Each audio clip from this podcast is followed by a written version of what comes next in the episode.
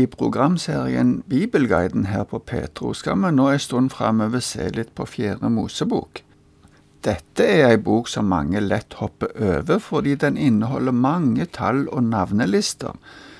Vi skal heller ikke lese alle disse oppramsingene av tall og navn, men vi skal prøve å gå gjennom boka for å få med oss de viktigste momentene ifra innholdet. Dette er den fjerde av de fem bøkene som kalles Pentatevken, på norsk Mosebøkene.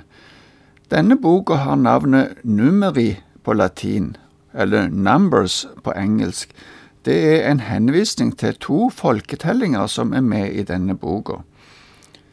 Fjerde Mosebok beskriver vandringen fra Israel ble organisert som folk på Sinai og fram til de sto på grensen for å komme inn i det landet Gud hadde lovt dem.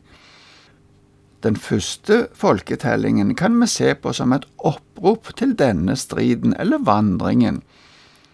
Etter en kort vandring kom Israel til sørgrensen, og Moses sendte inn speidere for å utforske landet. Tanken var at de skulle komme tilbake med gode nyheter som igjen ville gjøre det attraktivt å komme inn. Men det som skjedde, var at dette ble en katastrofe for Israel, for da speiderne kom tilbake, mista folket motet og trua på å komme inn. Denne mangelen på tru førte med seg at Gud lot de vandre omkring i ørkenen i 40 år. I Fjerde Mosebok finner vi òg bilder av Kristus. De fikk fremdeles manna, som Jesus sjøl viser er et bilde på han sjøl som livets ord.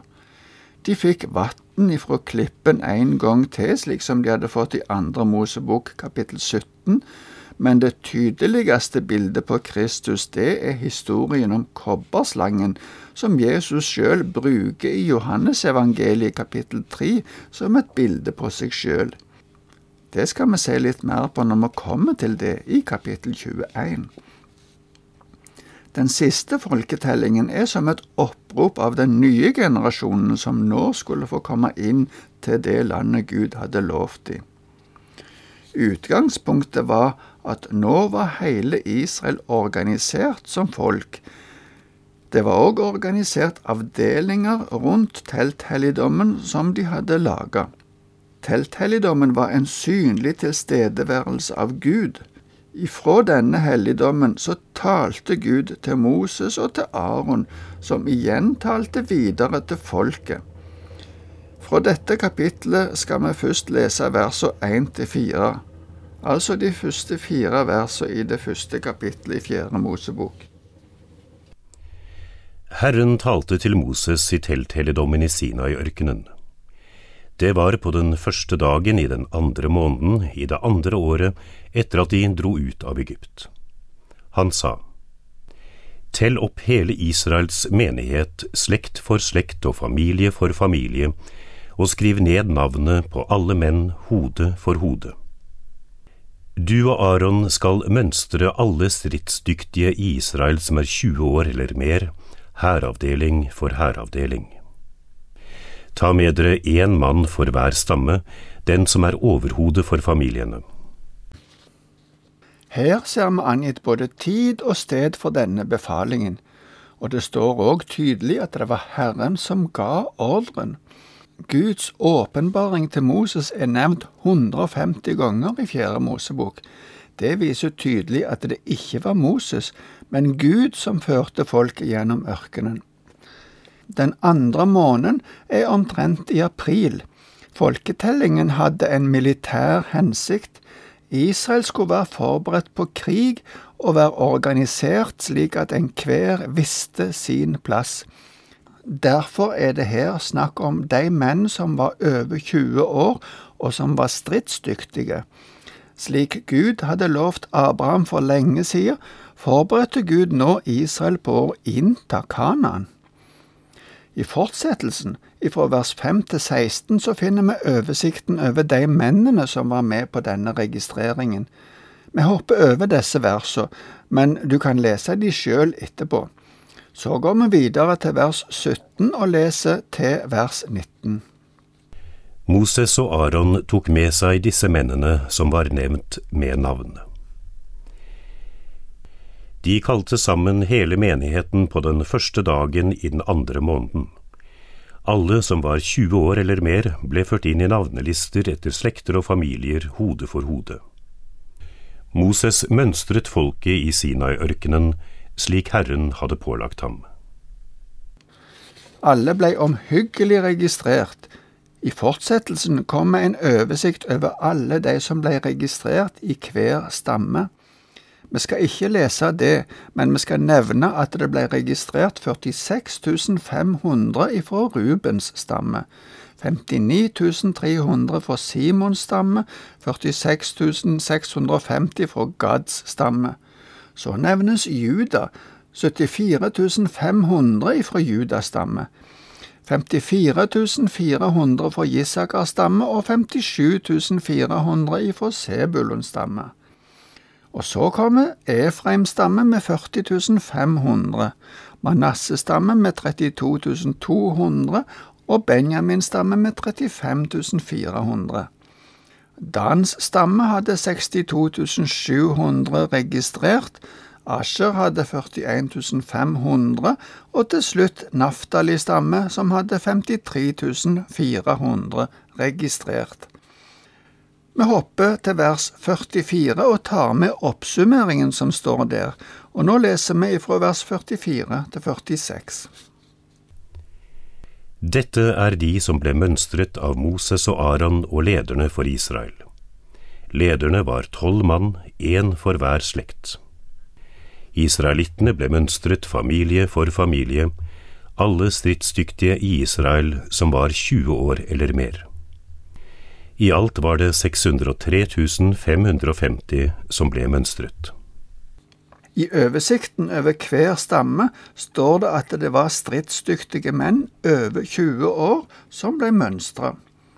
Hvis vi tenker på størrelsen på befolkningen, må vi tenke på at det var nok en god del som var så gamle at de ikke lenger var stridsdyktige, og så var det en del barn og ungdom Dessuten var det nok like mange kvinner som menn. Med andre ord antas det at Israel minst bestod av to millioner personer. Noen anslår helt opp til fem millioner. I tillegg ser vi at Levi stamme ikke kom med i denne opptellingen. Det var opprinnelig tolv stammer ifra de tolv sønnene til Jakob, men da Jakob var i Egypt, sa han at de to eldste sønnene til Josef skulle representere hver sin stamme i Israel i fortsettelsen. Josef fikk en dobbelt del av arven, kan vi si. Derfor er Efrem og Manasseh hele tida ifra dette skjedde med Josef, regna som egne stammer. Vi ser òg seinere, da Israel ble fordelt, så fikk Efraim og Manasseh hver sine landområder. Men hvorfor var ikke Levi stamme med i registreringen? Det skal vi se på i fortsettelsen. Vi leser resten av kapittel 1 fra vers 47 til 54. Men levittene ble ikke mønstret etter sine fedres stamme sammen med de andre. For Herren hadde sagt til Moses, Bare Levis stamme skal du ikke mønstre, du skal ikke telle dem sammen med de andre israelittene. Men du skal sette levittene til å ha ansvar for vitnesbyrdets bolig, med utstyret der og alt som hører til. De skal bære boligen og alt utstyret og gjøre tjeneste der, og de skal slå leir rundt den.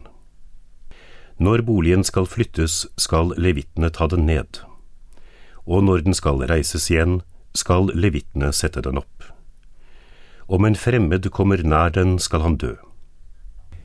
Israelittene skal slå leir, hæravdeling for hæravdeling, hver mann i sin leir og under sitt banner. Men levitene skal slå leir rundt vitnesbyrdets bolig, for at ikke vrede skal ramme Israels menighet. Levitene skal ha ansvar for vitnesbyrdets bolig. Dette gjorde israelittene. Alt Herren hadde gitt Moses påbud om, gjorde de. Levittene var Moses og Aron sin stamme. Alle voksne menn i denne stammen skulle være med i tjenesten ved telthelligdommen og transporten av den. Det var en måte å markere at denne telthelligdommen og alt utstyret i den skulle beskyttes ekstra godt. Det var hellig, og derfor måtte de som omgås med dette, også være spesielt utvalgt. Seinere ser vi at de forskjellige greinene innen Levi stamme hadde forskjellige oppgaver innenfor dette. De skulle ta ned teltet og transportere det, og så sette det opp igjen på neste plass etter en helt spesiell orden og rekkefølge. Ordenen gjaldt for så vidt også hele folket. Hver hæravdeling hadde sin spesielle plass som de skulle slå seg ned. Det siste verset som vi leste, viser at Israel og Moses var nøye med å følge alle de påbudene som Gud hadde gitt dem. Neste gang skal vi se litt mer på hvordan folket skulle slå leir, og litt mer om oppgavene til levittene. Velkommen igjen da.